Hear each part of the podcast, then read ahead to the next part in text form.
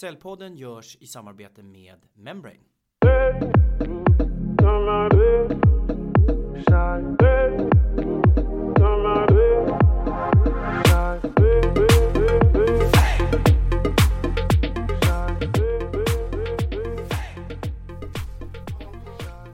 Välkommen till Säljpodden. Jag heter Ken Skog och det här är en podd för oss som gör affärer.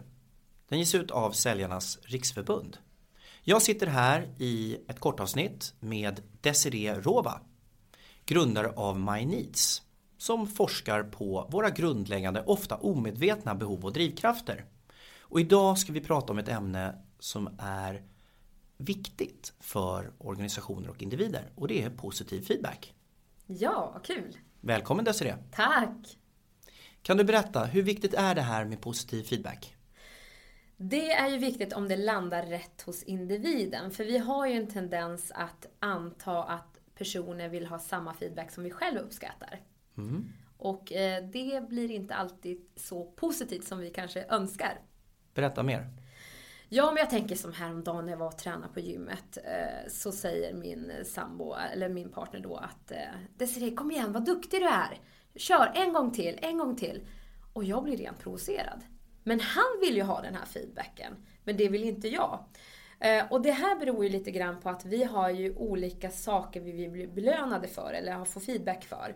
Om vi tittar på till exempel en person som har variation som sin starkaste drivkraft så vill de få extra förstärkt positiv feedback när de gör tråkiga, enformiga saker. Till exempel hålla på med kvittohantering. För det är någonting som de känner att de verkligen behöver stöttning i. För det tycker de är det tråkigaste som finns.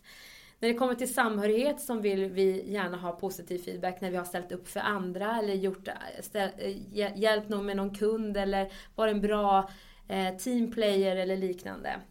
När det kommer till utveckling så vill vi gärna ha feedback när vi faktiskt har, när det har lett till ett gott resultat eller bra resultat. När det kommer till signifikans handlar det om att men det här löser du riktigt bra.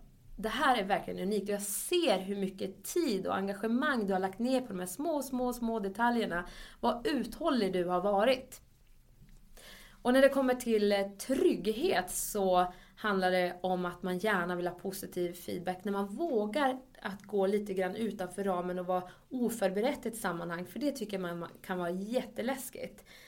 Och där är det lätt om man inte har trygghet att man bara, ja men det där var väl inte så svårt. Men här vill man gärna liksom ha peppen att lite utmana sig själv. Och i bidra, då vill man gärna ha positiv feedback på när man verkligen har gjort skillnad för någon annan. Det här du sa, det bidrog verkligen till det här.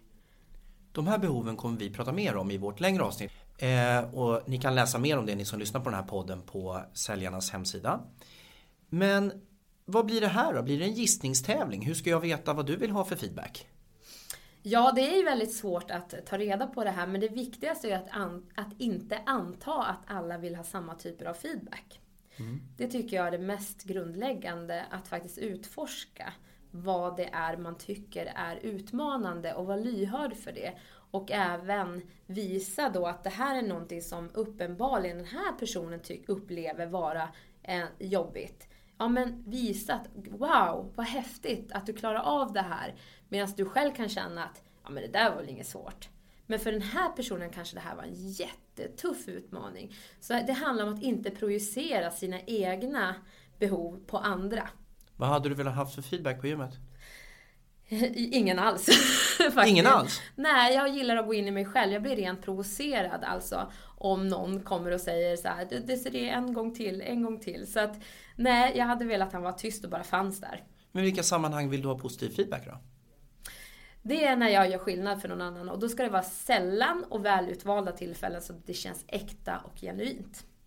Så det här med positiv feedback är viktigt men det är olika för olika människor? Exakt. Spännande, jättekul att du kom Desiree.